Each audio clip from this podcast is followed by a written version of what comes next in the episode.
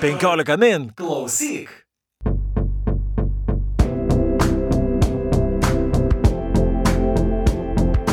Sveiki, 15 min skaitytojai ir klausytojai. Su jumis sveikinasi podcastas, tinklalaidė perskaitimai ir kaip visuomet mes šios tinklalaidės vedėjai, aš Audris Ožalas. Ir aš Juratė Čerškutė. Ir šiandien mes pakalbėsime apie rašytoją, kuri e, visame pasaulyje turbūt e, vadinama iš viena iš garsiausių, viena iš išaiškingiausių ir viena iš labiausiai aptariamų autorių pastaraisiais metais. Tai yra Elena Ferrante. Ir e, yra proga pakalbėti apie ją ne tik todėl, kad iš tikrųjų šita rašytoja Lietuvoje, mano nuomonė, sulaukė na, per mažai dėmesio, lyginant su visomis, su visomis kitomis pas, valstybėmis, bet ir todėl, kad neseniai pasirodė naujas jos romanas Melagingas suaugusiųjų gyvenimas. Na ir šiandien e, kartu su mumis bus e, šios rašytojos kūrybos vertėja Jėva Mažikaitė Fridžerijo. Labadiena. Labadiena. Taigi, turbūt pirmasis klausimas toks įvadinis būtų, apie pačią Eleną Ferrantę. Turbūt jisai na, labai platus ir e, labai galbūt sunku jį atsakyti, bet e, kuo jūs pačią patraukė Elena Ferrantė kūryba ir kuo ji yra tokia išskirtinė, kad iš tikrųjų dabar jie vadinama, na, ne, ne tai, kad savo kartos balsu, bet e, be ne kelių dešimtmečių italų viena garsiausių rašytojų ir labiausiai aptariamų rašytojų. Mane, manau, kaip ir amerikiečius ir daugelį mm, skaitytojų patraukė visų pirma savo tikrumu, todėl kad visa tai, ką įrašo ir yra deklaravusi, kad toks jos tikslas, yra labai tikra. Ir jeigu kai kam gali tos itališkos aistros pasirodyti perspaustos ar pervaidintos, tai aš galiu patikinti, kad tikrai ne. Uh, ir jos mylimam ir nekenčiamam Neapolį iš tikrųjų visa tai, ką jie prašo, vyksta ir vyksta labai stipriai ir kiekviena scena, kurią be paimtume, aš labai vaizdžiai galiu įsivaizduoti, kad iš tikrųjų jinai galėjo įvykti ir gal net įvyko. Tai uh, man tai patiko ir taip pat, uh, jeigu kalbėsime apie nuostabią draugę, uh, moterų draugystės temos gilumu. Iš tikrųjų, jinai gal pasaulyje be ne vienintelė taip giliai išnarstė šią temą ir taip giliai palietė skaitytojus. Nu, Juratė, iš karto norėčiau klausyti tavęs, nes aš kiek žinau, kad e, tu irgi esi didelė šios rašytojos gerbėja. Galbūt tu irgi galėtum tokiam įvadiniam žodžiu pasakyti, kuogi tau tokia svarbi ir tuo įdomi šitą rašytoją. Taip didelė gerbėja, kuri irgi labai nervinasi, kad Elena Ferrante, e, būdama iš tikrųjų pastarojo dešimtmečio pasaulinės literatūros vienu ryškiausių vardų Ir aš net e, pasikartojau prieš mūsų šitą įrašą, žinias, kurias žinojau prieš kokius trejus metus. Times Literary Supplement, Britų literatūros žurnalas, jis internete turi rubriką uh, 20 klausimų rašytojams. Ir aš tiesiog įvedžiau į paiešką žodį Ferrantė ir visi garsesni rašytojai, įskaitant, beje, Lietuvoje dar irgi per mažai atrastą garsę britų rašytoją Zaidį Smith, įskaitant tą patį Kurlą, Kurlą Karlą Uve Knausgorą, jie visi minė Eleną Ferrantę ir netgi neretai, jeigu reikia pasirinkti rašytojų porą, jie visi mini kartu Elena Ferrante su Karlu Uwe Knausgoru. Tai iš esmės aš juos matyčiau kaip tam tikro reiškinio, tai yra kalbėjimo apie gyvenimą, as, nežinau, Knausgoras tai būtų to tokio asmeninio gyvenimo išrašymas, o Ferrante būtų tai, ką jau užsiminė Jėva, tos, to moteriškojo diskurso ir moteriško samoningumo trajektorijos išrašymas. Iš tikrųjų, aš turbūt pritarčiau britų rašytojai Zaidis Smith, kad aš bent jau tikrai nebuvau skaičius literatūrą iki tol taip giliai išrašytos a, apskritai draugystės. Čia mes kalbam apie mhm. garsiausią a, Ferrantės ir ją iš tikrųjų pasaulyje išgarsinusią tetralogiją Neapolio, tuos keturis romanus apie dvi draugės. Ir apskritai, kas mane visada žavi skaitant Ferrantį ir man atrodo, aš jau to užkimsiu tą kartodama, tai yra moters, arba tiksliau moterų konkurencijos istorija. Tai yra ką taip tai moteris puikiai draugauja bet jos taip pat lygia greta puikiai moka išsitraukti peiliukus įkišti į žaizdelę ir dar pasukioti moka tinkamu metu pakišti koją kad draugė išsitėkštų žodžiu šitas dalykas man darė įspūdį ir aš manau mes dar tikrai šiandien laidoje kalbėsim apie tai nes aš jau ievai ir minėjau prieš mūsų šitą pokalbį kad kai e, aš skaičiau apie tas smurto prieš moteris istorijas, kurios yra išrašytos, nu, praktiškai kiekvienoje Lenos Ferrantės knygoje, tai buvo tikrai tokių epizodų, kada man reikėjo atidėti knygą ir atrodo išeiti į orą ir įkvėpti gurkšnį oro, nes Uh, tikrai džiaugiuosi, kad man pasisekė užaukti ir mes tikrai gyvenam toje visuomenėje, kur nu, tikrai ten moterų nieks netranko kiekvieną progą, aš bent jau taip noriu tikėtis. Tai vad Ferantės tas žiaurumo arba smurto motyvas irgi yra toks, nu tikrai man atrodo įspūdingas. Ir dabar aš noriu uh, Jėvos klausti irgi to tokio pirmo klausimo, uh, kaip jūs atradot Ferantę ir kokia pirma knyga buvo. Jūs pradėjot nuo teatrologijos ar nuo tų jos ankstesnių romanų?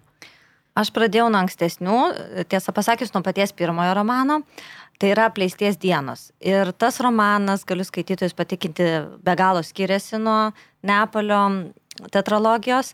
Ir tai yra sunki knyga. Iš tiesų prislegianti, labai stipriai pribloškianti. Ir aš, kai ją skaičiau, tai iš tiesų man taip pat reikėdavo ją padėti šalį ir įkvėpti oro. Ir ta moteris aprašoma jinai palikta vyro, čia aš neatskleisiu visų detalių, bet tiesiog pamažu tarsi e, išprotėja tokios ribos lyčios ir skaitydamas tau ima rodytis, kad tu pats vos neišprotėjai, kad irgi e, akise liejasi ir, ir toks labai stiprus įspūdis.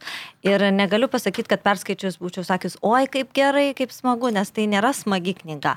Bet aš iš, te, iš tikrųjų supratau, kad tai yra labai stipri rašytoja, nes taip e, stipriai paveikti skaitytoją gali tik tai geras rašytojas. E, tiesiog abejojau, ar verta nuo jos pradėti, nes gali kai kurios skaitytojus ir išgastinti. E, tad perskaičiusi teatrologiją, kurią skaičiau jau mm. paskui, iš karto abejonės dingo ir jau nuo pirmų puslapių supratau, kad tokią knygą skaityti ir versti, ir publikuoti, ir skaityti tikrai būtina. Ir e, jeigu, tarkim, apleisties dienos ar kitos šios autorės knygos, galima sakyti, ne visiems, tai teatrologiją aš siūlyčiau ir jauniems žmonėms, ir bendramžiams, ir savo močiutėjai, ir vyrams, ir moteriams, jinai yra labai universali. Ir netgi pati Ferrantė yra sakiusi, kad uh, vyrų prerogatyva, kad jie rašo visam pasauliui, ir marsiečiams, ir veneriečiams, o moterys rašo jau ne va tik moteriams, moterų literatūra. Tai galiu patikinti, kad tai tikrai nėra tik moterų literatūra ir visam pasaulyje garbina uh, ir vyrai literatūros kritikai, aišku, gal išskyrus italus. tai džiaugiuosi, kad man teko tokia garbė ją versti. O norėjau dar vat, paklausti, užsiminėt, kad skirtumėt, mm, o dabar va šitas naujausias romanas, ar ne, Melagingas suaugusių gyvenimas, kokiai auditorijai re, rekomenduotumėt skaityti irgi ir paaugliams, ir bendramžiams, ir močiutėms visiems? Manau, kad tai. Paaugliams dėl to, kad tai yra knyga apie paauglę ir viskas yra rašoma iš paauglės perspektyvos. Mhm o vyresniems žmonėms dėl to, kad jie perskaitę teatrologiją, manau, ir pasilgę Ferrantės pasaulio vėl galės rasti labai panašų pasaulį ir šiame naujame romane. Tai jis irgi gali užburti visus. Mm, tik tai noriu patikinti, kad tai nėra nuostabiosios draugės tesinys, nors kai kurie kritikai bandė taip teikti. E, personažai kai kurie yra panašus ir netgi e, skaičiau recenziją, kur šis romanas buvo pavadintas taip ironiškai e, Nuostabioji draugė susitinka seksualiją tetą. Be, beje, irgi aš skaičiau šitą knygą ir iš, kar, iš karto pradėjau skaityti, man apėmė toks dežavų jausmas, nes iš tikrųjų labai panašu į tą Neapolio sagą. Šitą knygą ir temos labai e, panašios. Personažai. Personažai. Ir e, pabaigus skaityti, aišku, čia ne, neišduosim galbūt e, detalių, bet pabaigus skaityti knygą ir ta jos pabaiga lyg ir gali suponuoti, kad gali būti tesiniai šios knygos. Nes, na, tarsi tokia atvira pabaiga lyg ir leidžia manyti, kaip žiūrėti, kaip tiems herojams, kaip toms herojams e, gyvenimas vystysis toliau. Tai aš norėjau paklausti, gal teko girdėti, gal jau yra kažkokių atsiliepimų, ar pačia autorė yra sakius, ar yra planuojama e, kažkokią tesinį jos rašyti, ar ne. E, tiek leidikla, leidikla atstovai ir pati Ferrantė išlieka paslaptingi ir kol kas nesako nei taip, nei ne. Labiau sako, ne, tiesiog tai yra knyga, skaitykite ir neklausinėkite apie tesinius. E, bet aš perskaitysiu, net nebejoju, kad bus tesinys. Vis dėlto ta pabaiga tarsi yra nukirsta ir personažai iki galo atrodo neišvystyti ir tikrai turėtų kažkas dar būti ir netgi atrodo, kad dar bus kelios dalys, kaip ir nuostabiosios draugės, toks platus užmojais. Bet kaip tik šiandien aš perskaičiau mm, neseną interviu, kur Ferrantė pati teigia, kad jos užmojais toks ir buvo parašyti knygą pradedant nuo paauglystės iki pat moters 40 metų. Ir jinai net buvo davusi pavadinimą našlystė. Tai tarsi sufleruoja, kad būtų ir netektis jos gyvenime. Bet kai jinai apmetė juodraštį to viso sumanimo, jis suprato, kad neturės nei jėgų, nei energijos šitam projektui pabaigti. Tai tiesiog sako, kad šios knygos turi užtekti. Ji tokia tiesiog yra. Tai jeigu taip ir yra, kaip jis sako, hmm, gal pabaiga truputėlį ir, ir kaip sako, per skubota, per daug nukirsta. Uh, Aš tikiuosi, kad jį persigalvos arba gal jie įkalbės, nes jinai sakė, kad tai buvo užmojais netgi platesnis už nuostabią draugę. Tai nebūtinai platesnis, bet gal dar bent dalį ar porą tikiuosi išleis. Dar kokie šeši metai, nes šeši, šešeri metai praėjo po paskutinės, ar ne, nuostabiausios draugės dalies ir Na ir e, kritikai, kurie sako, kad tai iš tikrųjų tos garsiosios, tarsi, tarsi tos garsiosios sagos tesinys, mini, kad na, labai panašios temos ir labai e, panašios e, linijos gyvenimų. Kaip galėtumėte apibūdinti, kokios tos yra visgi pagrindinės temos? Vieną iš jų palėtėme be abejo, tai yra tarpusavio draugystė moterų tarpusavio ir dėl ko man atrodo, kad labai didžioji dalis visgi jos skaitytojų yra moteris, nes jos labai nesunkiai atpažįsta save ir didžioji dalis perskaičiusių iš tikrųjų taip ir sako, kad, na, o aš skaičiau Ferrantę ir iš tikrųjų pasakoja tarsi apie mane, aš irgi tokią draugystę turėjau, aš irgi suprantu, kas tai yra, e, tai labai, labai, labai nesunku tapatintis, man atrodo, viena iš priežasčių, dėl ko jinai tokia yra populiari. Tačiau kokios yra tos kitos temos, kurios irgi atsiskleidžia ir šioje knygoje? Draugystės tema teisingai sakote, tikrai išvystyta, nes jinai Ferrantė yra labai prie širdies ir jinai beveik kiekvienoje knygoje ją vysto, kaip ir motinos dukros santykių tema. Tai čia aš norėčiau dar papildyti, kad ne tik tai tarp dukteriečios ir tėtos draugystė, bet aišku, tos paauglės ir jos draugių, žinoma, kartu su ta konkurencija, kuri buvo ir tarp Lilos ir Elenos. Taip pat tarp dviejų moterų Konstancijos ir Nelos, kurios dalinasi, galima sakyti, tą patį vyrą, bet vis dėlto išlieka draugės, draugės priešės per brūkšnelį. Taip pat ir e, tarp Vitorijos, tos seksualiosios tetos ir Margeritos, vargšės paliktos e, žmonos ir jos taip pat yra geriausios draugės, nors taip pat dalinosi tą patį vyrą. Tai čia Um, ironiškai galima sakyti, kad tik Italijoje, na nebent dar Prancūzijoje gali būti tokie santykiai, kad moterys susijėtos to paties vyro vis dėlto sugeba išlaikyti uh, draugiškus santykius. Tai ta moterų konkurencijos ir pavydo ir draugystės tema ir toliau vystoma, bet pagrindinė iš tiesų tema tai yra, aš sakyčiau, tai yra tam tikras bildungsromanas, paauglės augimas, brendimas, uh, ir jos atsiplėšimas nuo tėvų. Ir tiesiog pakanka netgi menkos tėčio frazės ištartos, gal netgi netaip interpretuotos, nes visur rašoma, kad tėtis pasakė, kad yra negražiai. Iš tikrųjų jis taip nepasakė ir pati veikėja pripažįsta, kad jis taip nepasakė, tik pasakė, kad ji panašėja, į tetą Vitoriją. Ir kai išsiaiškina, kad teta Vitorija yra ta neigiama šeimos veikėja, viso blogio įkūnytoja, tai tada ta mergaitė pasijunta ir negraži, ir išduota, ir grūna visas jos pasitikėjimas tėvais, suaugusių pasauliu, tikėjimas savimi. Ir tai iš tiesų yra reikalingas etapas, kad jį galėtų suaukti, kad galėtų savai pažvelgti į pasaulį, nes tas tėvų uh, užmesta tokia uždanga jai ant akių, jis jį nubyra ir jį pamato, koks plikas, nuogas ir ne visai gražus yra tas jų išpuoselėtas pasaulėlis. Uh, taip pat e, tęsiama ir, e, ir smurto tema. Smurtas nebejotinai siejasi su tais žemaisiais kvartalais, nors čia jie piešiami jau daug teigiamų, bet vis dėlto yra tokių ir, ir pusiau mafiozų veikėjų ir tvyro reta grėsmė visą laiką. Ir pati teta Vitorija su savo reikimais ir batų mėtymais iš paskos irgi tokia yra gana smurtinė veikėja, aistringa veikėja, jeigu taip galima pasakyti. Tai manau, kad šios temos atsikartoja iš nuostabiosios draugės, tik tiek, kad čia labiau sustelkėme būtent į paauglę, į jos išgyvenimus, į jos atitrūkimą ir gal veikiau net santykių su tėvu negu su motina. Ir moterų emancipacijos tema be abejo irgi čia yra svarbi. Be abejo. Čia į, į tai pažvelgiame tai šiek tiek iš kitos pusės. Jeigu nuostabioji draugė tai buvo moterų kilimas iš paties dug, visuomenės dugno, iš skurdžiausių kvartalų, kur moteriam tiesiog draudžiama mokytis ir bet kokią kainą siekimas iškilti per mokslą, išsiplėšti iš tos skurdžios smurtinės aplinkos, tai čia yra atvirkščiai čia mergaitė užaugusi tokioje, galima sakyti, net tobuloje aplinkoje, kur niekas jos neskriaudžia. E, jau nuo šešių metų jam papas, lytinis švietimas yra labai taip moderniai pateikiamas ir auga ateistų šeimoje, o toj labai religingoje kaip Neapolio skurdžių kvartaluose.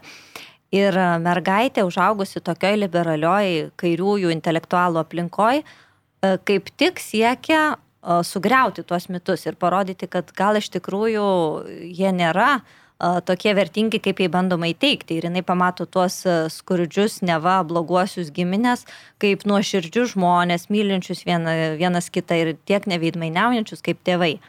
Tai čia man, jinai neemancipuojasi, ta prasme, kad jinai jau yra išsimokslinusi ir užaugusi intelektualioje aplinkoje.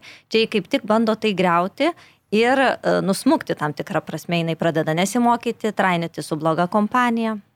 Taip, čia yra tas apverstas, jeigu nuostabiosios draugės tetralogijoje buvo būtent iš apačios kilimas į viršų ir Elenos Greko istorija, kaip jinai išsimokslino ir, ir kaip tapo rašytoja, kas, na, turbūt daugam primena ir tą metą literatūrinį lygmenį, kad turbūt pati Ferrantė yra įsirašęs save į šitą personažą, o čia yra tas judesys visiškai atvirkštinis ir Jeva, jūs esat buvęs Neapolį, tai tas kvartalas, kuriame ta pagrindinės veikėjos šeima gyvena, aš suprantu, jis toks yra prašmatnus kvartalas, ar ne? Ir čia yra būtent iš tos aukštybės toks Taip. leidimasis žemyn. Ir toks labai Taip. simbolinis, nes vis laiko viršus apačia tiesiog Taip. vis laiko dominuoja romano kaip tema. Ir simbolinis, bet ir tikras, dėl to, kad tas kvartalas iš tiesų yra aukštai, pačioje aukščiausioje Neapolio vietoje ir norint patekti į tuos kitus kvartalus reikia leistis. Funikulierių, metro ir nu, tarsi į požemius tokius. Tai leidžiamasi visom prasmėmis. Tai ir fizinės skirtis netgi. Taip, taip, žinoma.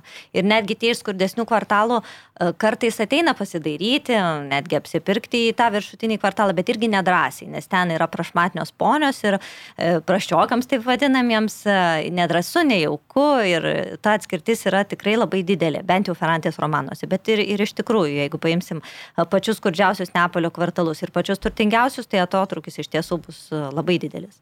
Beje, tas pats Neapolis, vėlgi reikia turbūt kalbėti labai daug ir apie Neapolį, kalbant apie Ferrantę, nes Ji yra viena iš tų rašytojų, kuri įtraukė, na galbūt ne pirmoji įtraukė, aišku, buvo rašyta taip, bet taip smarkiai į literatūrinį pasaulį Neapolį.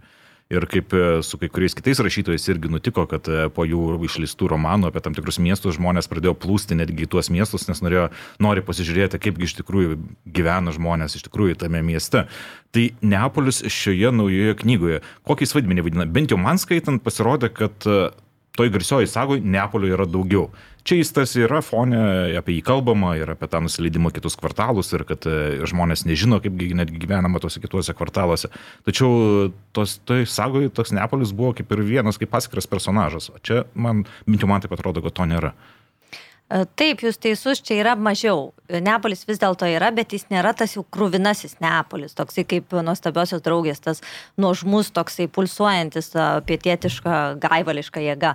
E, čia tiek laikas, tiek vieta vaidina antrailį vaidmenį, nes vis dėlto rašom ir apie vadinamą 90-ųjų vaiką, kaip tik dabar yra nauja tendencija rašyti apie tą vaikystę, paauglystę 90-ame dešimtmetyje. Tai ši veikėja taip pat gyvena tam dešimtmetį, bet beveik nesuprasi, kad jinai gyvena tuo laiku arba toje vietoje. Dėl to, kad e, Ferrantė norėjo galbūt parodyti universalumą, būtent paauglės brandimo, augimo, šeimos santykių, o koks laikas ir kokia vieta jau čia antrailis dalykas. Kita vertus, Ferrantės visuose romanuose, išskyrus gal apleisties dienas, Neapolis pats yra atskiras personažas. Tai be jo jinai tiesiog negali, kaip jinai pati sakė, su Neapoliu neįmanoma iki galo suvesti sąskaitų. Jis vis tiek ją atgal traukia ir nuo kilmės nepabėgsi, tai jinai apie jį rašo, nes jinai tą pažįsta ir taip pasiekė to siekiamo tikrumo. Jis ir pati sakė, kad e, visi tikisi, kad aš parašysiu vis naują knygą, kad dar kitokią, dar kitokią, bet sako, aš negaliu rašyti, tarkim, apie vienos hercogus, aš turiu savo ribas. Mano riba yra štai šis Neapolis, mano konkreti patirtis ir nieko blogo yra rašyti apie tai, ką tu pats esi patyręs. Tai ir jinai sakė, man atrodo, kad jinai yra daug užrašų pasidarius apie, tarkime, Kopenhagą, apie mhm. kurią irgi galėtų parašyti knygą, bet, na, tai nėra įaugę jos kraują ir tai tiesiog būtų galbūt kažkiek dirbtina netgi. Žinoma, jinai iki galo nepažįsta tos realybės, nėra jai taip į kraują įaugę ir jinai rašo apie tai, ką pažįsta, nes iš tikrųjų tada būtų tarsi toks paveikslėlio piešimas, bet neišgyventas. Aš dabar klausau Jėvos ir iš karto dvigubą klausimą, turiu labai tokių skirtingų krypčių. Jūs užsiminėte apie tą 90-osius arba 10-metį. E, šita mada dabar yra ir Italijoje, nes man labai įdomu, todėl kad lietuvių literatūroje tai mes akivaizdžiai matom grįžimą į 90-osius Italijoje irgi. Mažiau. E, yra pora knygų, bet ne taip eskaluota. Tarkim, tas, ta tendencija netokia ryški. Mhm gal nesukėlė tokio didelio ažiotažo, gal jie turi kitų nostalgijų. Tarkim, Ferrantės nuostabioji draugė, tai visiems paliko tą tokį ir nostalgijos įspūdį, dėl to, kad vyresni seniorai, tarkim, prisiminė, kai buvo pokario laikais pas juos. Ir aš irgi taip gyvenau, pas mus irgi taip būdavo. Jis vėliau rašė apie tos darbininkų judėjimus. Mhm. Tai tada prisiminė, kad tikrai taip irgi būdavo fabrikai ir taip toliau. Ir palėtė tą kartą. O 90-ieji dar nėra taip stipriai eskaluota tema Italijoje. Tiesiog jinai e, rašo apie tą laikmetį, nes užsibrėžusi tą projektą, kad nuo paauglystės iki šių dienų, tai kad pasiektume šias dienas, tai reikėjo pradėti būtent nuo to dešimtmečio. Ir jūs jau atsakėte tą klausimą, ar adekvačiai jinai rašo, nes aš esu net skaičiusi, kad e, būtent italų pokario karta, pokaro kartos moteris labai tapatinasi su Ferrante, kad atpažįsta šitą dalyką. Ir tada iš karto, aišku, kyla klausimas, um, kad jie jau taip gerai rašo tai, apie ką pažįsta, ar ne. Tai kyla man tokia mintis, tada galbūt jinai uh, ir yra slapyvardis, mes čia turbūt nepasakėm, bet aš manau, kad Ferrantės skaitytojai tikrai žino, kad Elena Ferrantė mm, yra turbūt slapyvardis, niekas iš tikrųjų nėra matęs ir nežino, kaip ta rašytoja atrodo. Prieš keliarius metus uh, Čia bandė žurnalistai Amerikos iškapstyti, kas tai galėtų būti, galbūt vertėja ar ne į, į vokiečių kalbą, bet netame esmė, tai aš galvoju, galbūt jinai ir laiko tą slapyvardį dėl to, kad rašo apie dalykus, kurie yra labai arti jos ir kad jeigu jinai tikrai, tarkim, išleistų knygą savo tikrų vardų ir pavardę, nežinau, ją gal irgi kaip ten lila išmestų iš antro aukšto. Gali būti, nes jinai yra pasakiusi, kad vienintelis siekis rašant, uh, gali nagrinėti savo būsenas, patirtis ir taip toliau, bet jos tikslas yra niekada neįskaudinti artimų žmonių. Tai jeigu jinai parašytų savo vardu, savo veidu ir artimi žmonės arba kiti atpažintų jos romanuose save, tai būtų liūdna, nes iš tikrųjų netgi gėda, kaip jinai sako, užtraukčiau gėdą savo šeimai, mm. tai mhm. čia irgi galbūt iš, iš Neapolio tos garbės, orumo reikalas šeimai, neužtraukti gėdos, tai jinai labai to saugosi, galbūt ir dėl to slepia savo veidą. Kita vertus, jinai sako, kam reikia mano veidą rodyti televizijose, kad e, žmonės mane skaitytų. Tai yra visiškai perteklinis dalykas e, žinoti mano plaukų spalvą arba mano nosies formą, tą, to visiškai nereikia. Taip, būtent. Bet e, dėl to labai ją kritikuoja patys italų literatūros kritikai ir ypač kiti rašytojai. O va čia labai įdomu, pakalbėkim šitą temą. Čia turbūt, man atrodo, Ferrantis istorija yra, kur sakoma lietuviškai, ar ne, pranašų savam krašte nebūs. Taip ir ją puola ir jūs jau minėjot, kad italai kritikai ne, nepripažįsta, ar ne? Nes skaitytojai tai ją mėgsta. Mhm. Jos knygos yra perkamos ir iš tikrųjų yra daug ir YouTube įrašų su jos gerbėjų, tarkim, apžvalgomis ir iš tikrųjų žmonės labai myli šią rašytoją. Bet kritikai labai apliekia Yra keli rašytojai, kurie taip viešai jau ją užstojo ir netgi iškėlė jos kandidatūrą Italijos prestižiniai literatūriniai strėga premijai gauti, bet kiti tada labai sukilo, užsipuolė ir toks rašytojas Sandro Veronėzė pasakė, tai jeigu jis lepia savo veidą, tai tada tegul ir premijos nenori. Kam jie premijos, jeigu jinai nesirodo? Nu, tai toks čia mm, matosi. Jie, kad... O ji yra gavus kokių itališkų? Ji premijų? nėra gavusi, tai daugelis ir sako nėra gavusi, todėl kad ne, nebus pranašų savo šalyje.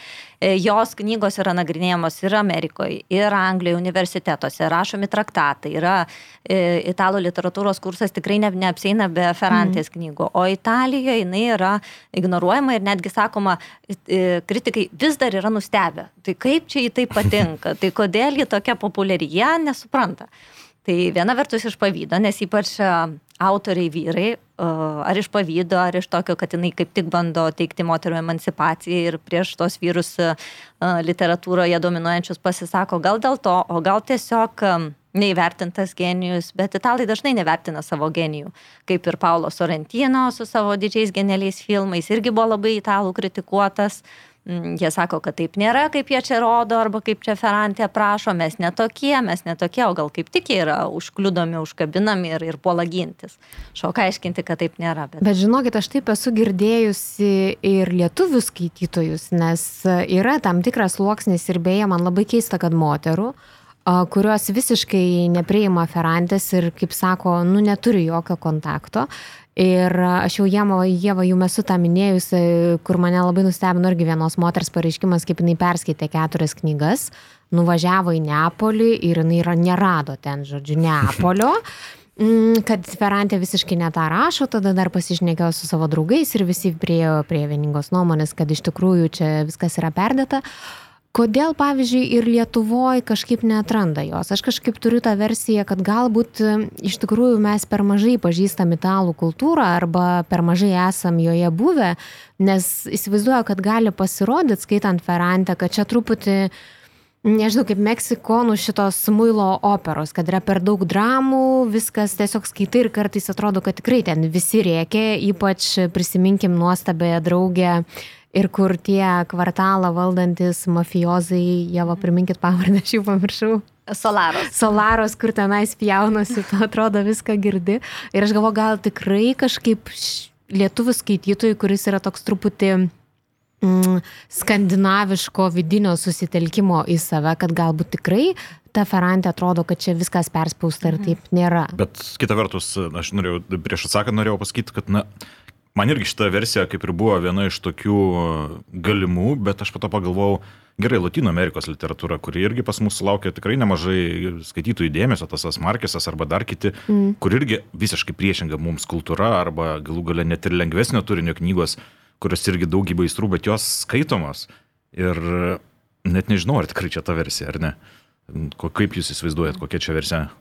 Na, Neapolis iš tikrųjų yra, galima sakyti, atskira respublika. Tai net nėra Italija ir netgi aš manau, kad tai yra dar karštesnis taškas negu pati ir Latino Amerika, nes Markesogi nėra tokių labai trykštančių aistrų. Taip, ten jaučiasi tas pietietiškumas, galima sakyti, vis tiek Pietų Amerikos, bet e, Ferrantės viskas yra sustiprinta, paryškinta, nes pats Neapolis toks yra. Ir žinoma, kad turistas nuvažiavęs to nepajus ir nepamatys taip iš karto. Visų pirma, reikia žiūrėti, ko jisai ieškojo ten nuvažiavęs, ką jisai matė ir kiek buvo ir e, norint tikrai pajusti tą Neapolio dvasę, tai mm, ten reikia pagyventi būtent gal ir tuose netgi skurdžiuose kvartaluose, kad tu suprastum, kaip tai yra tikra, ką visą tai reiškia ir e, ką reiškia tos aistros, tie taškymais, tos isterijos. Jos nėra šiaip savo, kad būtų įdomiau skaityti, arba tiesiog tai yra, tai padeda išvystyti tikroviškus, autentiškus personažus ir galbūt ne, sunku identifikuoti skaitytojams. Dėl to, kad vis tiek Markeso yra magiškasis realizmas, ten skaitytojas nesidentifikuoja, neranda savęs, jis tiesiog skaito kaip, kaip nu taip galima supaprastintai pasakyti, kaip gražią pasaką. O čia yra tikras gyvenimas, tikros istorijos ir, ir skaitytojai sunku gal patikėti, kad tai yra tikra, nes pripratę, kaip sakėt, prie skandinaviško ramumo. O dabar tokia kunkuliuojanti aistra, ta, tokios rėkiančios, besimušančios moteris, galbūt netgi užgožia tai, ką Ferrantė iš tiesų bando pasakyti. Bet kita vertus, jeigu kalbam apie Ferrantę, galima trumpai ir apie kitą autorių pakalbėti, kuris lab, vienas iš labiausiai aptarimų, tai tas pats Knausgardas, apie kurį mes jau kalbėjom laidos pradžioj. Jis irgi yra skaitomas, tačiau nesulaukia tokio milžiniško, didžiulio susidomėjimo kaip kitose šalise, nors atrodytų mūsų kultūroje. Lietuvoje jisai, nesulaukia. Taip, Lietuvoje atrodytų, kad mūsų kultūra jis kaip tik yra skandinaviškai, apmastantis save, kontempliuojantis, galvojantis, atrodytų visiškai turėtų būti mums savas. Štai mes turime Knausgradą, turime Ferrantę, du vardus, apie kuriuos dažniausiai kalba literatūros kritikai kaip apie tokius ryškiausius fenomenus šiolikinio lydybos pasaulio ir nei vienas iš jų pas mus nesulaukia tokio milžiniško milžiniško dėmesio. Tai aš net nežinau, čia. Čia, viso... nu, yra čia kažkoks, aš kaip turbūt pagalvojau, kad Zababonas kažkoks e, mūsų verstinės literatūros, nu, nežinau, nes tai, kas yra pasaulyje garsus vardai, atsiminkim, Audriu, ir mūsų patį pirmą podcastą apie Kate Atkinson, kuri yra labai garsi ir skaitoma britų rašytoja, pas mus labai siauras ratelis, jie žino, tai čia yra, kad kažkaip ne, nesuveikia šitie modeliai, bet aš klausydama e, Javos dar vieną, va, dabar versiją pagalvojau, uh, kad galbūt čia dar yra susiję m, mm, toks kompleksiškas dalykas ir su Ferrantės stiliumi, nes turbūt m, mm, skaitytojos tikrai yra įpratusios skaityti, m, mm, čia dabar nenoriu pasirodyti kažkokią feministę, bet vyrų o, rašytojų tekstus ir staiga moteris, kuri labai paprastai ir labai skaidriai išrašo gyvenimą, nu tiesiog diena dienon, kaip iš tikrųjų viskas būna tam gyvenime Ir netgi e, apie Ferrantę yra sakoma, kad jos e, stilius literatūrinis yra net labiau primena memoaristiką ar eseistiką negu grožinės literatūros tekstą. Tai galbūt skaitant irgi vėl gali pasirodyti, kad nu čia viskas taip paprasta, nes yra tikrai skaitytojų, kurie, pažiūrėjau, literatūroje ieško gražiai parašyto sakinio. Ir aš manau, kad pas Ferrantę, Jeva, jūs, jūs daugiausiai čiupinėjot tų sakinių, tai Ferrantės stilius turbūt jis yra, kaip jūs apibūdintumėt, labai lakoniškas ir skaidrus, ar ne? Jis yra paprastas, lakoniškas ir dėl to aš esu jai dėkinga, nes iš tiesų nėra sunku versti Ferrantę. Mm. E, ir dar tokį paminėsiu jokingą faktą, kad e, italai iškėlė versiją, kodėl tokia jinai populiari Amerikoje. Tai turbūt todėl, kad e, jos vertimas į anglų kalbą geresnis yra negu originalas. Jiems atrodė, kad gal pagražino tą stilių vertėją ar kažkaip perkurė, bet iš tiesų tai ne. Visur jos stilius yra toksai pagaulus, bet paprastas. Mm. Jinai nemėgsta įmantrių frazių, išraitimų tokių, jai tai atrodo beprasmiška, būtent kalbant apie jos kūrybą. Ir jos netgi skyryba labai paprasta.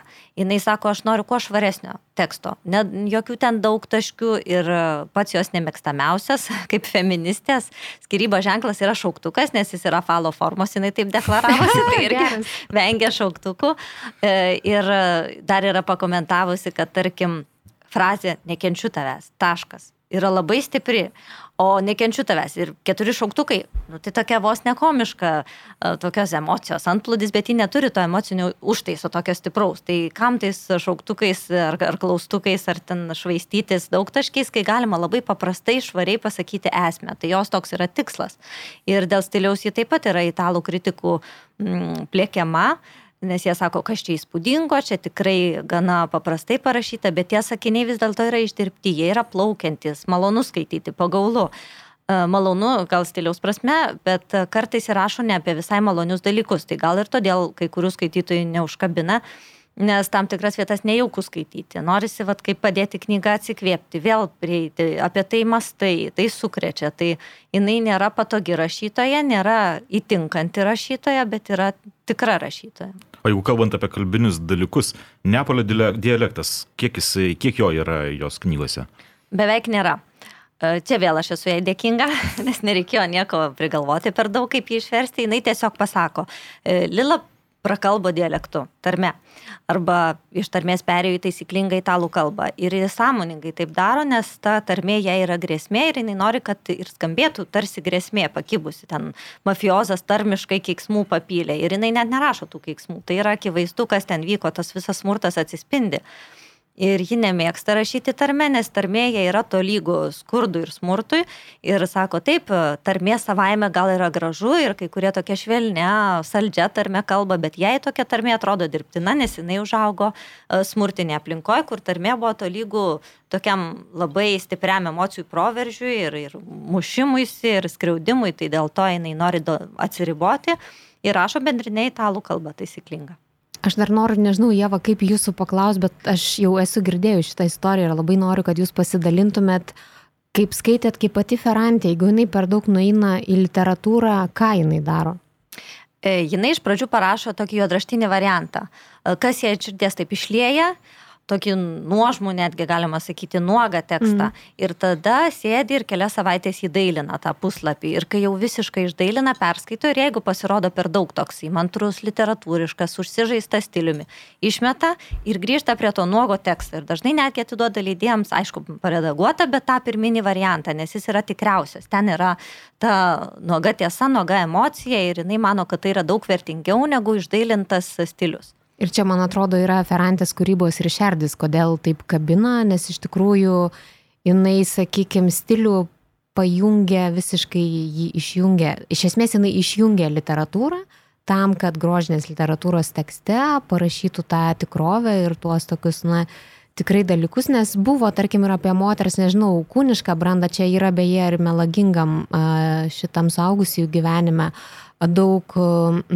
to, kaip jinai geba tiksliai žodžiais aprašyti tai, ką, manau, kiekviena mergina paauglė yra išgyvenusi ir kažkaip tik tai dabar jau po, nežinau, keliasdešimt metų, man tarkim skaitant šitą knygą buvo toks o geras. Aš tuo metu tikrai, kai ėjau per tą paauglysę, nebūčiau, tarkim, taip žodiškai e, tiksliai pasakius, bet va čia yra Ferrantės a, tas toksai a, fantastiškas dalykas ir man, tarkim, vėlgi labai įdomu, kai jinai pati a, vienam interviu sako, a, Nes aš noriu atkreipti jūsų dėmesį, turbūt čia nereikia ir patys esate tą pastebėję, visų romanų pradžios arba patys pirmi sakiniai. Na, tarkim, šito naujausio jos romano Melagingas augusių gyvenimas, pirmas sakinys yra toks, likus dviejams metams iki mano tėčių išeinant iš namų, jis man mamai pasakė, kad aš labai negraži. Taškas. Ir iš esmės visada pradžia būna tokia, kad ta pasakotoja, jinai iš dabarties žiūri į praeitį. Ir iš esmės praktiškai visi Ferrantės, galbūt išskyrus apleisties dienas, kiek aš čia sužiūrėjau, yra visi tekstai tokie retrospektyvūs. Ir kas man pasirodė labai įdomu, kad pati Ferrantė sako, aš nenoriu rašyti pasakotojo vidinio monologo, tiesiog aš sukūriu situaciją, kuriame pasakotoje yra kaip rašytoja. Ir iš tikrųjų, va čia man buvo labai įdomus momentas, kai Ferrantė pasakė, kad jinai kaip rašytoja, prašydama tą gyvenimą, jinai sikiu ir tvarko tekstą, tai yra, na, tie, kas rašo, žino, ar ne, kaip išrašyti, kad būtų skaidru, aišku, kaip viską išdėlioti.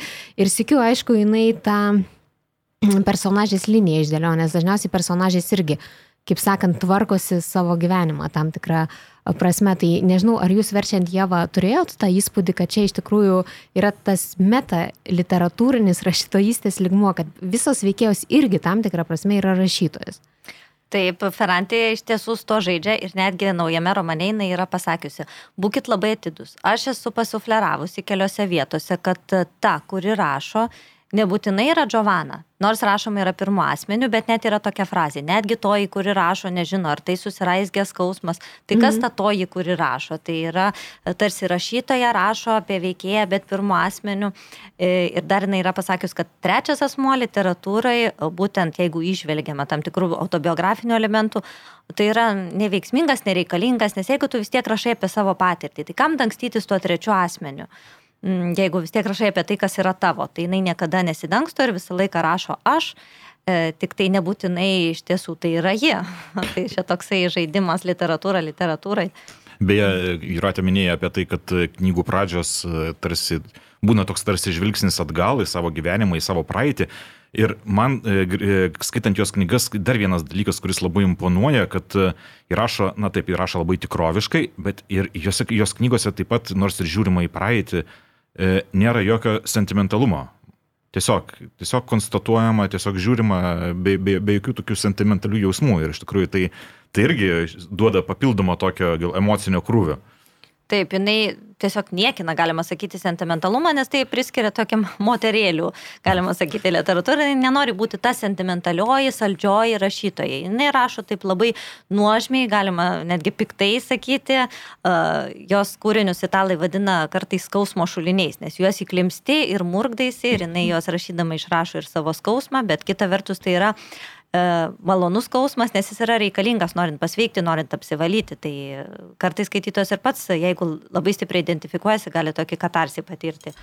Ir dar man įdomu buvo skaityti atsiliepimą, privertė susimastyti, kad šiame naujame romane skaitytojas sako, e, man nepatiko ne vienas personažas, nu, tiesiog aš jų nepamėgau. Ir aš pradėjau mąstyti ir galvoju, iš tikrųjų, tai nėra malonus, meilus personažai, kuriuos tu pamilsti ir dėl jų sergi kartais nesupranti, kodėl jie taip daro, kartais tiesiog pikta, pikta kodėl jie taip elgesi, bet pagalvoji, kad tai yra paauglė.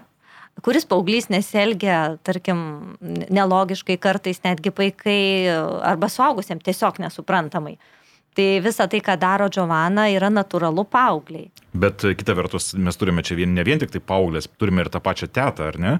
kurios personažas irgi man labai patiko tai, kad jisai, jo negalima vertinti vienprasmiškai. Taip. Nes iš pradžių, kai mes susitinkame tą tetą, čia aišku irgi daug nepasakosiu, bet e, pirmieji susitikimai su ją atrodo, kad, na, pakankamai tokia charizmatiška, spalvinga, žavi moteris, O paskui mes matome, kad na, tai nėra taip jau viskas paprasta. Iš tikrųjų, tiesos yra ir, ir, ir jos tėvų pasakojimuose galbūt tiesos, ir galbūt iš tikrųjų galbūt greuna gyvenimus. Nors beje, pati Ferrantė sakė, kad e, jeigu, jeigu galima būtų paklausti, koks personažas jai artimas, tai būtent teta yra. Taip, jai, jai didžiuojasi ją sukūrusi. Taip, didžiuojasi ją sukūrusi. Tai, tai, tai visi jos personažai nėra lengvai priimami ir nėra tokie iš tikrųjų, su kuriais norėtum sakyti, štai čia aš esu. Bet žiūrėkit, ar jūs nepagalvot, kad ta teta... E yra tai, ką iš esmės Ferrantė daro su savo personažais. Iš pradžių, kai tu su jais susipažįsti tekste, tekste jie atrodo tokie, na, kaip mes turim kažkokių mitų ir įsivaizdavimų, kas yra tikra itališka moteris. Tai vad man ta Vitorija yra tokia, nu, tipiška, nežinau, nu, ne Sofija Lorenzo vaidinta personažė, bet iš esmės aš esu, tarkim, ją jau mačiusi Felinio filmuose, ar ne? Ir toks tarsi, tu sekundį pagalvoji, kad tai bus žaidžiama stereotipais.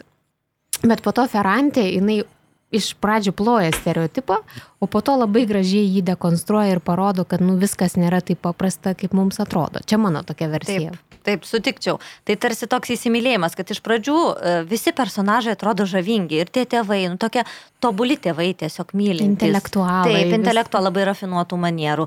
Ta teta tokia įspūdinga, tokia kaip bomba, įsiveržia ir jinai labai įdomi, yra labai tokia charizmatiška. Ir ta pati paauglė. Ir, ir, O paskui pamažu tas susižavėjimas, įsimylėjimas blėsta ir žmonės pasirodo erzinantys veidmainiai. Ir ji kiekvieną, kiekvieną personažą taip apsuka, kad gali iš labai mėgiamo pasidaryti labai nekenčiamas ir tada vėl pamatai jo žmogiškąją pusę, jo tarsi pagailsta. Ir visus personažus jinai taip apsuka, parodo iš įvairių pusių. Tai tas yra įdomu, nė- nėra lėkštų ar vien, vienpusiškų personažų, nėra tokių stereotipinių, kurie išlieka iki galo stereotipiniai. Ir beje, Bet kiek jinai išlaiko, atsiprašau, draug, kiek jinai išlaiko e, tą iš tikrųjų tikrą itališką tapatybę ir jūs vis tiek skaitot ir atsiliepimus kritikų, kokia nuomonė, kad jinai kaip tik čia labai pasauliui parodo, kokie iš tikrųjų tie italai, ir, o gal kaip tik demaskuoja kažkokius nacionalinius mitus.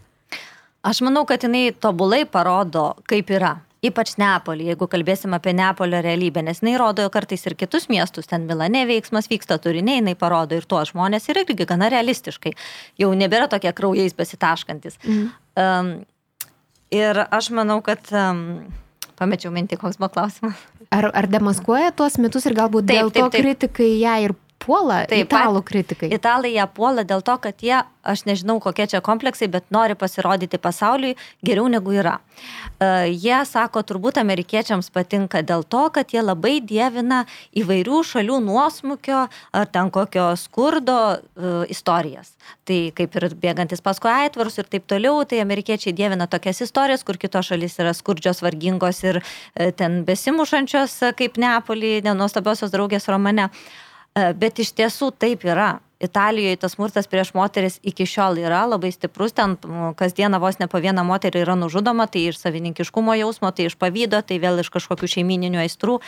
Tai uh, nereikia, aš kaip sakyčiau, čia vaidinti geresnių negu yra, nes jinai parodo uh, stereotipišką Italiją, bet kiekvienas stereotipis e, kažkuo remiasi realybė vis tiek. Tai sakyčiau, kad ją kritikuoja dėl to, kad jiem gal gėda pasirodyti, kaip, kaip yra. Tai iš tikrųjų. va ir man toks kilo klausimas. Kažkaip. Beje, aš norėjau tik tai dar pridurti, kai mes kalbėjome apie tetą ir kad e, koks yra sudėtingas jos e, charakteris ir e, koks sudėtingas jos personažas. Tik norėjau pridurti, nes kadangi mes jau irgi sakėme, kad štai ta teta seksualioji, man atrodo, vardinama gražioji ar dar kažkas, bet mes knygoje irgi matome, kad tos draugės jos sako, jinai visai negraži apie tą pačią tetą. Ir aš po to perskaitęs tą knygą ir galvoju, o kodėl mes iš tikrųjų, kodėl, kodėl iš tikrųjų atrodo, kad jinai graži, gal iš tikrųjų negraži, gal čia tik tai vienai paaugliai atrodo jinai graži, gal iš tikrųjų jinai yra visai kitokia. Ir e, tada supratau, kad jo, čia, čia ta- tas ir yra jos pasakojimo toks žavesys, kad, na, supranti, kad nėra, nėra konkrečios tiesos, nėra vientisos tiesos. Na ir pavadinimas, aišku, melagingas suaugusiųjų gyvenimas, aišku, irgi iš dalies, nu, suponuoja tai, kad e, iš, iš tikrųjų melo apgaulės yra labai daug. Ir, Ir- viskas nėra taip, kaip atrodo. Ir kaip tie fasadai griūna, man gal kažkaip e, iš tos mokslinės e, mano gyvenimo patirties buvo labai gražu, kaip jinai demaskuoja tuos intelektualus kur dedasi tokie didi. Ir iš tikrųjų, nu, čia pilna istorijų, nereikia net ferantės ar ne, kur aukštų didelių materijų ir kalbų varinėtojai iš tikrųjų tikrame gyvenime yra labai banalūs. Tiesiog neįtikėtinai banaliai paprasti ir net nykus žmonės. Tai, e, tai va šitą ferantę labai kažkaip man reikia šitam romane atskleidžia. O apie tetą aš galvoju, gal tiksliausias žodis būtų sakyti efektinga. tai kad Tikrai efektinga. Beje, pati Ferrante paklausta, kodėl parašė šitą romaną, sakė, kad ji pati vaikystėje labai daug meluodavo, o sulaukus 14 metų nusprendė viską, suaugau, reikia nustoti meluoti. Bet tada pamatė, kad suaugusiai meluoja dar daugiau negu jinai pati ir kad iš tikrųjų dėl daugybės įvairių priežasčių. Na ir šitas romanas irgi tą, tą patį parodo, kad na, fasadų yra daugybė, bet kiekvienas iš jų gali būti tik dirbtinis, kuris užstoja visai kitą realybę. Taip ir Ferrantė yra pati lygiai taip pat pasakiusi, kad uh, kodėl jūs galvojate, kad tėvai rafinuoti, o teta graži. Ar tikrai taip yra? Lygiai taip buvo interviu bylojusi dėl to, kad viskas yra matoma paauglės akimis. E, Nei jinai tėvams graži, nei tom draugiam. O tai ir lieka klausimas, kokie iš tikrųjų tai yra personažai. Ir uh, kaip jinai sako, nuo kilmės nepabėgsi. Gali būti koks vaizduoti, kokį tik nori, apsirengti gražiausiai, pakeisti manierą, skoningais daiktais apsistatyti, bet sako, kilmė pulsuoja net iš tavo kūno, tai neįmanoma jos nusikratyti. Tai ir neįmanoma tam tikrą prasme visiškai ir iškilti į, į tas aukštuosius sluoksnius. Ir dar jinai apie pokyčius prisiminiau visi reikalauja, tarkim, tikisi iš jos, kad parašys naują knygą labai naujoviškai. Jis sako, sulaukus mano amžiaus, e, naujumas tai yra ne bombos sprogimas, kad viską nuneša ir tai yra visiškai nauja, o tiesiog durų trinktelėjimas, sudužęs stiklas, o tokios detalės, kurios yra jau naujas žvilgsnis į tai, kas galbūt e, buvo ir, ir į tai, ką skaitėme kitose romanuose. Ir beje, aš pagalvojau irgi čia e, klausant jūsų kad apie, apie kritikus, apie italų kritikus, kodėl jie galbūt irgi nemėgsta Ferrantę. Na, Italija vis tiek, man atrodo, tokia uh, labiau vyrų dominuojama visuomenė. Taip. O skaitant e, Ferrantės knygas, na, vyrų personažų, kurie būtų patrauklus, na, nu, sunku surasti, ar ne? Ir, ir pati Ferrantė viename interviu pasakė, kad didžioji dalis vyrų yra tiesiog, kurie savinasi moteris, uh, O kita dalis mažesnioji yra ties, tiesiog tų, kurie nori taip globoti, padėti moterims ir net nesupranta, kad jos pačios turi padaryti, nueiti savo gyvenimo kelią. Na tai aš įsivaizduoju, kad tuos e, literatūros kritikus, tarkime, vyrus, kurie labai tradiciškai mąstančius, tai turėtų, na, žaisti jos toksai vaizdavimas pasaulio ir tokios kalbos, ar ne? Žinoma, labai žaidžia, už tai jie ir šiaušiasi, kodėl nominuojamas Strėga premijai. Ir aš specialiai pasižiūrėjau, kiek yra moterų laimėjusių tą Strėga premiją. Nu tikrai labai nedaug. Ir tai nereiškia, kad moteris Italijoje nerašo. Tiesiog jos nėra taip įvertinamos. Ir Ferrantė būtent ir pradėjo pramušti kelius jom, prasiskinti kelią į tarptautinę literatūrą, netgi į italų skaitytojų širdins, nes iki tol tai abs absoliučiai buvo vyrų dominuojama. Tai buvo kelios geros rašytojos moterys, bet jos vis tiek kaip jinai sako, veikiau gal pramogai rašydavo, o vyrai tai jau tikri revoliucionieriai, vizionieriai. O beje, aš prisiminiau, audriau, kad me, aš tavęs nepaklausiau. O kaip tau Ferrantis skaitimas? Nes vat, labai įdomu, čia mes moteris tai atpažįstam daug tai- dalykų. Tai, tai, vat, Kas aš, tau? Tai aš ir norėjau pasakyti, kad Aš suprantu, kodėl šita rašytoja yra labiausiai mėgstama moterų, nes, tarkim, identifikuotis su draugių santykiais, na, vyrųjų skaitytojų turbūt yra sudėtingiau. Tačiau man iš tikrųjų labiausiai patinka tas jos pasakojimo stilius, kuris, kaip irgi apibūdinote, kad jis toks yra, na, skaidrus, tikslus, nedaug žodžiaujantis, tiesiog skaitai ir matai paveikslą.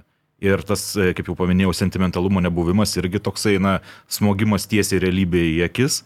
E, tai šitie dalykai labai man patinka ir tas tikroviškumas, iš tikrųjų, kaip irgi jau minėjome čia, čia nais pokalbėje, kad iš tikrųjų gal galima netgi su memoristika jos e, pasakojimus lyginti, tai, tai man tas irgi labai patiko. Ir dar kitas dalykas irgi Neapolis. Nes, e, na, man atrodo, kad dažnai rašytojai, ypač rašydami apie tokias Florencijas, apie Romas, apie viską, jis tiesiog, na, Nusaldina? Nusaldina, padaro kičinės ir visa kita. O čia skaitydamas ir kartais pagalvoju, na, ko, visi veržėsi tą Neapolį, nes Neapolis, na, nėra gražus pas ją. Na, tarkim, na taip, žavingas galbūt, žavingas, spalvingas, na, bet iš tikrųjų rašom apie visą tą smurtą, apie visus tuos žemosios kvartalus ir apie viską, na, iš tikrųjų toks skausmo pritvinkęs miestas. Bet jisai yra labai paveikus tas pasakojimas. Ir iš tikrųjų, kaip jinai pasako apie tą Neapolį, iš tikrųjų norės pamatyti savo akim. Mhm. Tai aš galvoju, ta, ta jos meistrystė, tokius ne, negražius dalykus, galbūt e, smurtinius dalykus pateikti štai taip literatūriškai įtikinamai, na, iš tikrųjų tai yra neįdinis talentas. O jeigu tu važiuotum į Neapolį, tu ieškotum to Lilos ir Elenos kvartalo? Na, sunku pasakyti, ar e, koks jis, aišku, aišku, būtų įdomu, aišku, būtų įdomu, bet uh, Na, aš manau, kad e, vis tiek buvo rašyta apie labai labai senus laikus, tai man atrodo, kad ten nieko neberastume iš tikrųjų. Bet Na, jis gal... yra likęs jau. Jis yra ir jis yra likęs toks kaip senose laikose. Taip? Dar tik tai dar labiau apgriuvęs. Netgi A. aprašomose laikose, kai atrodo, kad jau ir tai buvo baisus kvartalas, tai dabar dar baisesnis. Ten vaikų aikštelėse visokie ten šiferio lakštai mėtosi ir, ir toksai, nesakau, kad neįmanoma gyventi, bet tikrai sanitarinės sąlygos labai prastos, Niekas žmonės nesikeičia, žodžiu. Niekas nesikeičia, nebent į blogą, jis toliau griūva, apleistas ir jame yra organizuojamos ekskursijos, nes tikrai yra didelis susidomėjimas tiek iš italų pačių, tiek ir iš užsieniečių. Bet realiai ten ką pažiūrėti tai nelabai yra. Yra ta mokykla, kurioje Lila ir Elena mokėsi, biblioteka. Uh, Ir viskas. Ir yra dabar gražus dalykas naujas atsiradęs, tai freskos ant sienų, nuostabiosios draugės, kad pro vieną langą žiūri Lila, pro kitą Elena, mergaitės dar, tai tas freskas galima pažiūrėti. Aišku, tai turi savotiško žavesio, mums tai būtų tiesiog egzotika. Bet gal netai privilioja turistus. O pats Neapolis tą savo tokiu gaivalu, ta aistra ten nuvažiuoja ir tu ne, negali likti jam abejingas. Tai iš tikrųjų yra nuostabus, labai gražus miestas. Ir nors Ferrantė jo neaprašo kaip paveiksliuko būtent turistam, bet jie aplankyti tikrai verta. Ir beje, grįžtant vėlgi prie tos ta, tikroviškumo pačios Elenos Ferrantė, mes jau šiek tiek užsiminėme apie tai, kad tai yra jos pseudonimas, kad neaišku, kas tai yra per personažas. Ir aš norėčiau šiek tiek dar praplėtoti šitą temą. Kaip jums atrodo, kodėl jinai pasirinko tokį kelią, nes mes jau užsiminėme, kad jinai nusprendė, kad knyga turi kalbėti pati už save ir panašiai ir panašiai. Tačiau aš kartais pagalvoju, ar tai nėra vėlgi labai puikus piarinis sprendimas. Nes aš irgi neseniai dariau su Grahamu Swiftu interviu ir jisai sakė, kad na, rašytojai kartais dabar yra stumiami į kampą, nes jiems reikia būti viešumoje. Ir Frankfurto knygų mūgėje, atsimenu, irgi kalbėjo visi, kad na, rašytojas tiesiog spaudžiamas, privaloma, eik į viešumą, daryk Facebook'o pranešimus, visą kitą. Elena Ferrantė, tarkim, šituo viską išsprendė. Jai to nereikia. Ir kita vertus, kiekvienas interviu, kiekvienas, kiekviena apžvalga pradedama tai žodžiais Elena Ferrantė, kurios tapatybė nežinoma. Taigi toks irgi savotiškas žaidimas su skaitytojais ir nors galbūt tai yra ir nuoširdus, kita vertus jis labai paveikus ir labai žiniasklaidai patinka. Na, paslaptis patinka iš tikrųjų žiniasklaidai, nes būtų dar viena rašytoja, kuri visą laiką dalyvauja susitikimuose, viskas, o čia sunku gauti interviu, kažkokie mitai, kas jinai tokia yra. Na, žodžiu, puikus, puikiai, puikus dalykas, man atrodo. Bet matai, jį pasislėpė dar prieš Taip, interneto. Nebuvo garsi, e, kai pirmą savo knygą išleido, jau pasirinko būti rašytoją anonimę. Bet tai galėtų dabar išeiti į viešumą ir prisimti tai, visą tą šlovę. Tai būtent ir rodo, kad tai nėra vien tik marketingas, nes ką jie iš to dabar laimi iš to anonimiškumo? Galėtų savo šlovę mėgautis, interviu dalinti ir ten ant viršelių, taip, ant viršelių, bet jai būtent to nereikia, nes jai yra svarbu tik tai jos kūryba, jos knygos ir saugoti savo šeimą nuo tos negarbės, galima sakyti. Tai, tai todėl kiti gal ją ir kritikuoja, nes tarkim, Bariko niekada nėra pasisakęs apie ją, bent kiek aš skaičiau, bet jisai yra labai televizinis personažas. Tai Bariko knygas italai tikrai ne visi yra skaitę, o kiekvienas žino, kaip jis atrodo, nes jisai ir televizijos šou dalyvauja, ten buvo toksai realybės projektas pradedantiem rašytojams, tai jisai dalyvavo, ar kiti rašytojai, kur nuolat interviu dalina, netgi tas pats Saviano, kuris gyvena su apsauga policijos būstinėse, nes jo gyvybei grėsia pavojus, jis visada televizijoje, interviu, studijose o ji ne, jai to nereikia ir ji ir atsimuša į tai, kad koks tai yra marketingas, jeigu man, man tai nereikšminga, nesvarbu, mano knygos yra paleistos ir jos gyvena savo atskirą gyvenimą. Ir jinai netgi sako, mano knygos pasipūtelišką, tokį gana arogantišką gyvenimą gyvena jos populiariosios žvaigždės, o man to nereikia, aš pati kukli. Mhm. Na, aišku, Bariko yra kitas atvejis, nes jo ir jis gyvena ir iš kūrybinio rašymo, kiek aš žinau, taip, taip, pamokų, taip. iš viso kito, tai jam tas buvimas viešumoje yra na, privalomas kaip ir tokiam darbui. Nes mhm. rašymas tik tai viena iš šios ryčių, man atrodo, šiuo metu. Nu, Ferrantė gyvena iš savo milijoninių tiražų. Taip. Jau tikrai. Aš dar norėjau vieną dalyką, Jeva, klaus, kaip jums atrodo, nes dabar iš tikrųjų labai man įdomu sekti anglakalbės spaudą, todėl kad mes nepasakėm dar to dalyko. Kad melagingas suaugusiųjų gyvenimas 27 pasaulio šalise pasirodė rugsėjo 1 ir tarp šitų šalių buvo Lietuva ir žinoma Anglija, Didžioji Britanija ir Junktinės Amerikos valstijos. Tai toks, na, buvo pasaulinis šito romano debutas. Aišku, aš labai ir Jėvai dėkoju ir leidiklai Alma Litera, kad mes kažkaip pakliuvom į šitą tokį pasaulinį uh, E, sinchroną ir dabar anglakalbiai spaudoje, aišku, pilna šitų recenzijų ir e, The New Yorker buvo toks didžiulis, kaip čia anglakalbiai sakytų, profile apie Leną Ferrantę ir New York Review of Books savaitgalį irgi pasirodė labai ilgas tekstas. Ir ten aš atradau tokį sakinį juodu ant balto, aš, nu, tarsi jį visada žinojau, bet labai nustebau taip jau visiškai perskaičius, kad, žodžiu, į Ferrantę uh, yra geriausia rašytoja, geriausiai rašanti apie pyktį. Sutiktumėt, prieštarautumėt, ginčytumėte su šita teze? Gal ne taip vienaprasmiškai apie pyktį ir visą tai, kas yra susijęs su pikčiu - skausmas, apmaudas, kerštas, kartėlis. Tie visi santykiai, kurie, kurie irgi yra persmelkti pykčio. Mm, nesutikčiau, kad vien apie pyktį, bet tai yra sudėtinė jos romanų dalis vis dėlto. Ir dar grįžtant prie draugystės, prie vyrų personažų, kad nėra teigiamų, tai tarkim, melagingas suaugusių gyvenimas yra tas Robertas. Jisai galima sakyti, teigiamas personažas, bet jisai neįtikina to savo teigiamumo. Aš skaitydama visą laiką galvoju, kas čia dabar bus, ką iš čia tokio pridarys, kad jau viso moterim ten bus riesta, jau gal kaip Ninas čia bus toks velnio neštas ir pamestas. Ir aš galvoju, kad jeigu bus tesinys, tai jau vat jis atskleis savo tikrai veidą, nes negali būti toks pasakiškas, toksai žavingas, teigiamas herojus. Jisai paauglės akimis, aš manau, toks yra. E, tai man kelia įtarimą per daug teigiami jos vyrai personažai, nes akivaizdu, kad jinai turi to pykčio užslepto prieš vyrus. Bet beje, šitas personažas yra tam, paskui jau atsiranda tam tikrų niuansų, iš kurių taip, galima taip. spėti, kad na, ne viskas ten iš tikrųjų gražu ir už šito fasado. Žinoma, tai yra tiesiog kaip mato 16 metė mergina, jinai sudėvinusi yra į... Ir dar dėl draugystės, taip pat Ferrantė pasakė, kad vyrų draugystė yra gana paprasta. Moterų draugystė tai yra labai sudėtinga, kebli, klampi, ten yra e, tokių švelnių atspalvių, ten yra tirštos spalvos, tai už tai ta tema yra tokia įdomi ir neišsemiama. Aš manau, dar vieną dalyką aš norėčiau paklausti ir mes e, nepakalbėjom um, apie Ferrantės eiliškumo skaitimą. Aš buvau visada įsitikinus, bet prieš šitą laidą, ačiū Dievui, supratau savo klaidą.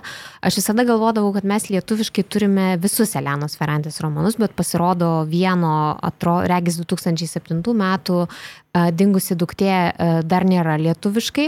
Ir aš dabar galvoju, ar keistusi, mm, čia toks hipotetinis klausimas mums visiems pasvarstyti, ar keistusi jos kūrybos samprata, nes lietuviškai mes pradėjom nuo nuostabiosios draugės, pirmojo teatrologijos romano. Ir ar keistusi, jeigu mes būtume kaip italai, nutvarkingai pradėję nuo pačio pirmo skaityti, nes pats pirmasis buvo, man atrodo, pražutinga meilė. Ar apleisties dienos?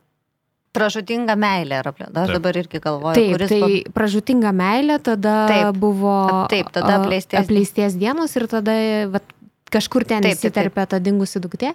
Kaip Jūs manot, iš vis kaip Jūs Jėva kaip vertėja rekomenduotumėt, nuo kurios knygos pradėti, pavyzdžiui, žmogui, kuris vat, klauso mūsų podcast'o ir nežino, tai nuo ko čia tą ferantę pradėti skaityti? Aš manau, kad vienareikšmiškai nuo nuostabiosios draugės, nes tai yra e, visų bendrų susitarimų geriausia, ką jinai yra parašius. Yra sunku perspjauti nuostabę draugę vis, visus jos kūrinius žiūrint. Paskui, sakyčiau, galima, kad pamatytume, kokia visapusiška ši rašytoja, apleisties dienas. Arba pražutinga meilė, nes ten taip pat yra Neapolis, bet visai iš kitos perspektyvos, e, kitas laikmetis, kita istorija, e, tokia gudi knyga, toksai trileris detektyvas, bet irgi mamos dukros santykiai.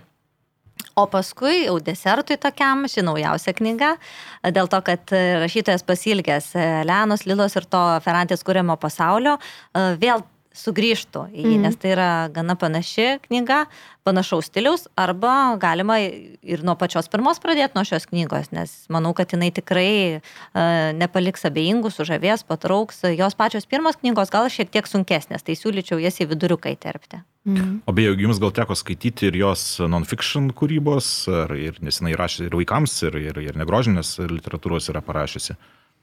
Aš skaičiu jos straipsnius The Guardian, mhm. Frantumalė, tai ten buvo tokia knyga, kurią sudėti jos interviu, pamastymas, eistika, tai stilius labai panašus į interviu, kuriuos jinai duoda. Man patinka jos mintys, jos mąstymas, tai nėra nauja, tarkim, skaitai ir, ir nerandi kas kart kažko labai avangardinio naujo, bet tai užgriebia. Tai ji kaip rašytoja mane absoliučiai įtikina. Ir dar noriu pasakyti dėl populiarumo anglakalbėse šalyse. Populiari Manhattano tinklaraštininkė pasakė, kad tai yra e, Ferrantės knygos dabar yra mados aksesuaras. Tu negali išeiti į gatvę, e, stilingai apsirengęs be Ferrantės knygos po pažaštė. Tai rodo, kokia yra populiari. Ir James Franco ir Natalie Portman fotografuojasi su jos knygomis, e, kaip su stulbinamai geromis ir visiems fanams rekomenduoja perskaityti. Tai tikrai tarp Amerikos skaitytojų, tarp Anglijos skaitytojų, besąlygiškai yra susilaukus sėkmės. Ir įdomu, kaip, kaip beje, irgi kaip kai kurios rašytojos ar rašytojai tampa tokiais stiliaus. Mes kalbėjom vienoje tiklaladėje apie Selį Rūnį, ar ne, kuri irgi pastaruoju metu irgi labai mėgstama pozuoti su jos knygomis ir žvaigždės irgi rengiasi taip, kaip jos personažas. Tai, na, įdomu, kaip tampa iš tikrųjų kai kurios rašytojos pop kultūros ikonomis. Bet Sally Rooney buvo susijusi su serialu. Jos fenomeną Taip. iš naujo romano Normalų žmonės tarsi į antrą bangą užkėlė serialas ir dabar aš noriu jau klausti ir apie nuostabiosios draugės serialą, kuris labai keista, kad lietuviškasis HBO kažkaip neleidžia pasižiūrėti, bet rodė e, LRT, man atrodo. Mm, tai Jeva, jūs žiūrėjot ir man asmeniškai tai Ferrantės serialas buvo šokas gerąją prasme, kad pirmą kartą mačiau tokią adaptaciją, kuri yra taip griežtai arti teksto. Ten tikrai nėra jokių interpretacijų, ten tiesiog aišku, norint, kad tai suveiktų pirmą, be abejo, reikia būti perskaičius knygas ir turbūt nerekomenduočiau atvirkščiai daryti, ar ne? Taip. Bet Jeva, kaip jums įžiūrėjot serialą? Aš sutikčiau, nes tai yra tikrai vienas iš nedaugelio atvejų, kai serialas nėra prastesnis už knygas.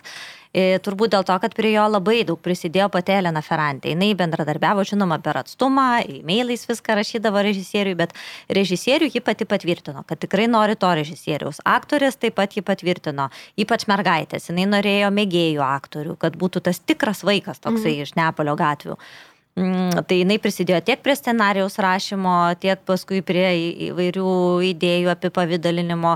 Ir už tai jos indėlis yra toks stiprus, galbūt dėl to, kad e, tai buvo režisierius vyras ir jinai neleido jam laisvai interpretuoti. Dėl to, kad jinai yra pasakius pagal šią, šį naują romaną e, Hollywoodo režisierė Maggie Gyllenhaal ruošiasi, ne, ne pagal šį naują, pagal e, tą neišverstą knygelę mm. ruošiasi kurti filmą pagal šią naują Netflix. Netflixas taip, taip, taip, serialą, taip. O pagal naują Maggie Gyllenhaal ir um, Ferrantė yra pasakiusi, kad kadangi tai yra moteris režisieriai, aš jai paliksiu visišką laisvę, aš visai nesikišiu, ne, neuždarysiu jos į savo narvelį, tegu ji kūrė, kad yra atskira kūrinį, kuris remiasi mano knyga, uh, man visą tai tiks dėl to, kad tai yra moters kūrybos išraiška, o su Saverio Kostancu, kad ir kaip jinai juo pasitikėtų, bet jinai labai pageidavo dalyvauti procese ir uh, rezultatas yra stulbinamai geras Ir dar noriu pasakyti tokį įdomų faktą, kad dėl tarmės, kad Italijoje šitas serialas yra rodytas su titrais. Tai rodo, kokia yra skirtinga tarmė lyginant su bendrinė italų kalba. Patys italai nesuprato, ką kalba neapoliečiai, jiems reikėjo titrų.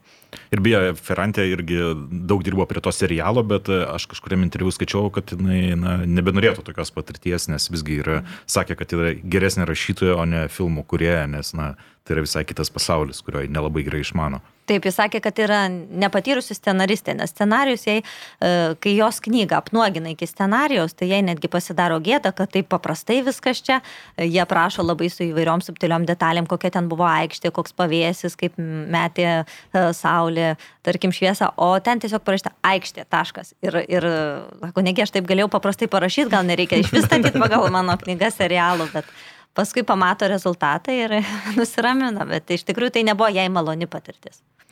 Aš dar norėčiau grįžti prie melagingo suaugusių gyvenimo.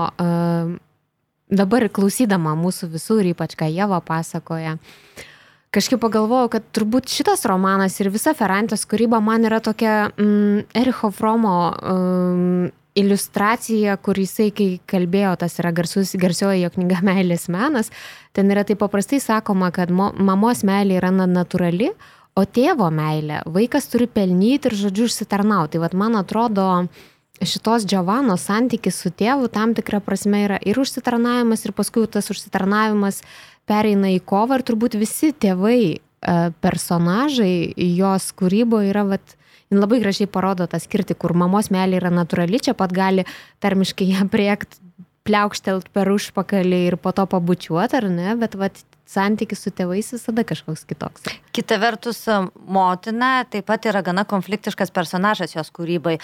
Dukros ir motinio santykiai galbūt šiame naujame romane yra tokie dar, darniausi. Dar, darnesni taip. Bet e, kituose jinai turi nuoskaudų, ją ta motinos meilė tarsi ir slegia, bet ir, ir, ir lik, likęs kažkoks nepatenkintas meilės troškimas, pavydas netgi tiem vyrams, su kuriems susiduria motina. Ir ji jaučiasi ir motinos neįvertinta irgi, nes motina visada nori, kad, e, tarkim, Elenos atveju darytų jinai viską kitaip, gal tradiciškiau, tai jinai nuvilia, galima sakyti, motiną nuostabiosios draugės romanuose, o šiame naujame romane nuvilia tėvą. Beje, aš norėjau dar paklausti apie šeimos santykius irgi, kadangi užsiminėme dabar šiek tiek apie tėvų ir vaikų. E, šitame, šitame romane Melagingas suaugusių gyvenimas yra vyrų ir žmonių santykiai. Ir man atrodo, šitoje vietoje toks vyrai tarsi turėtų galios poziciją. Nes nematome, viena, vienas vyras miręs ir, abi, ir tiek žmona, tiek buvusi meilužė tarsi prie altorius, prie jo nuotraukų sėdi namie. Kitas vyras išeina pas savo irgi mylimąją ir ta motina viskas nieko nebegali daryti ir tiesiog laukia, kol jisai sugrįš atgal. Žodžiu, gaunasi taip, kad na, vyrai jie gali iš esmės daryti, ką nori, daryti savo pasirinkimus, gyventi netgi dvigubą gyvenimą o moteris tarsi laukia, kol tas vyras apsispręs ateiti pas jas. E, taip, viena vertus taip yra, iš tikrųjų jie yra galios pozicijoje ir uh, to seniai jau prieš 20 metų mirusio Enso paveikslėlis vis dar kabo virtuvėje ir jam vos nemelčiamasi vis dar. Kita vertus, tie vyrai irgi yra priklausomi nuo moterų. Jie laksto paskui sijonus ir moteris gali apsukti jos labai lengvai apie pirštą, nuo kitos moters atimti, vėl gražinti. Tai moteris žaidžia tais vyrais. Tai yra labai persipinę santykiai ir jie gal turi tos fizinės galios, kad jie uh, gali nuspręsti palikti šeimą arba sukurti šeimą arba, tarkim, smurtu tą moterį pavergti bet moteris savo gudrumu taip pat gali supančioti vyrą. Ir kaip ir matosi pati Džovana, atradusi savo kūno, tarkim, galę, ji moka tuos paprastesnius, tarkim, kvartalo berniukus labai lengvai apvinioti apie pirštą ir, ir pamato, kaip smagu žaisti su tuo. Ir galų gale netgi pažemina tos pačius vyrus, Taip. kurie siekia jos dėmesio ir kurie, siekia, kurie, kurie jaučia jai aistrą. Tai irgi yra galios rodimas, nes jie pažemina ją, tarkim, klasės draugas pasako, kad ten jos figūra graži, bet veidą tai uždengčiau pagalbę, o jinai suvaro jam pieštuką į ranką. Tai tas moters smurtas irgi kartais yra nemenkesnis. Jinai atsimuša į smurtą smurtu.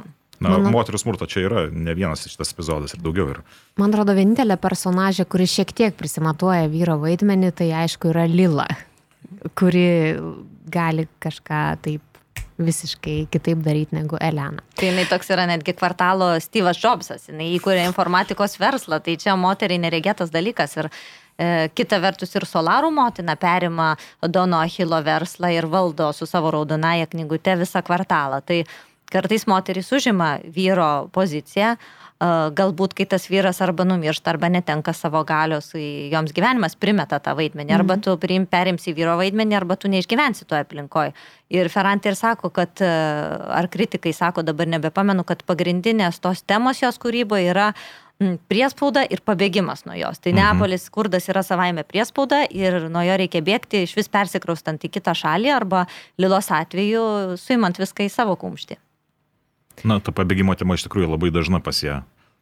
Ir fizinis pabėgimas, ir toksai dvasinis atitolimas. Ir dar noriu pasakyti dėl Ferrantės populiarumo, čia uh, daug rašė spaudoje, kad tai yra dar vienas virusas, čia buvo koronaviruso pandemija ir Ferrantė fever. Ir tuo pačiu metu jie buvo ir čia ta nauja knyga išleista ir jau mes nežinom, kur čia dėtis nuo to jos viruso, netgi nustelbė korona kartais, tai italai burbėjo, kad čia per daug tam dėmesio skiriama. Jeva, o kaip jūs jaučiatės, būdama Ferrantės vertėja? Nes tai yra rašytoja, kuri neina į viešumą ir iš tikrųjų visose šalise jos balsai ir reprezentaciniai atstovai yra, yra vertėjai. Ir tai ką jums reiškia būti Ferrantės vertėja ir aišku, rūpi klausti, ar jūs bendravot su jie, susirašinėjot, klausėt, tarkim, verčiant gal buvo kažkokių klaustukų kilę? Man, kai kyla klaustukų, tai aš paprastai parašau autoriams, šiais laikais labai lengva juos surasti per, ir per Facebooką tą patį susisiekia arba duoda leidikla kontaktus ir jie visi labai mielai atrašo, pakomentuoja, pasikalbam. Ferrantės atveju be abejo tai nebuvo lengva, bet aš ir netroškau sužinoti jos tapatybės, ar kad ji man asmeniškai atrašytų. Man tiesiog reikėjo atsakymų į tuos mano klausimus. Ten pora buvo tarmybių. Uh, ir jie atsakė labai ilgai, ten vos ne mėnesį ar du, e, tas atsakymas ją, nes mano leidikla turėjo jos leidėjams parašyti laišką, tada leidėjai jai ir vėl ta grandinė atgal pas mane. Ir atrašė labai labai lakoniškai, tiesiog taip, ne, šitaip, kitaip ir viskas. Ir nieko nedaug žodžiavo, nei frazės ne, ne per daug parašė, tai žodžiu, negaliu pasakyti su ją bendravusi. O šiaip tai tikrai aš suvokiau, kokia garbė yra būti Ferrantės vertė, kai gal, galbūt kai visą tetologiją išverčiau, kai pamačiau, koksai kilęs yra tas e, Ferrantė fever visam mm. pasaulyje ir tikrai galima sakyti, kad tie išrinktieji vertėjai gali didžiuotis versdami jos knygas. Jūs kaip tokia mažoji masonų ložė. E, Na ir kągi, man atrodo, šitas pokalbis e, bent jau tuos žmonės, kurie kol kas taip skeptiškai gana žiūri į Ferrantės kūrybą, na, galbūt bent jau paskatins atsiversti jos knygas ir, ir, ir, ir, ir suprasti, kad, na, iš tikrųjų tai yra literatūra, apie kurią ne veltui kalbama visame pasaulyje ir kad Lietuvoje vėlgi irgi galbūt prasidės galų galę tas Ferrantės virusas ir kad, na, bus atkreipsas dėmesys į ją ir į šią rašytoją.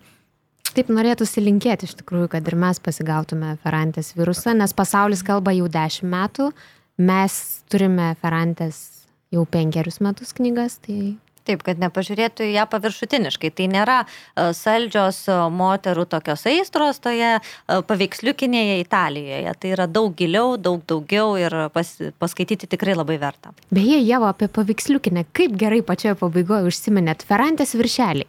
Jiegi yra pakankamai baisoki, aš turiu mintį anglišką leidimą teatrologijos, kas galbūt irgi gali žmonės kažkaip gazdinti, nes ten sal, sal, saldus tokie paveikslėliai, vaikučiai susikibę už rankučių. Čia juk ironija, ar ne?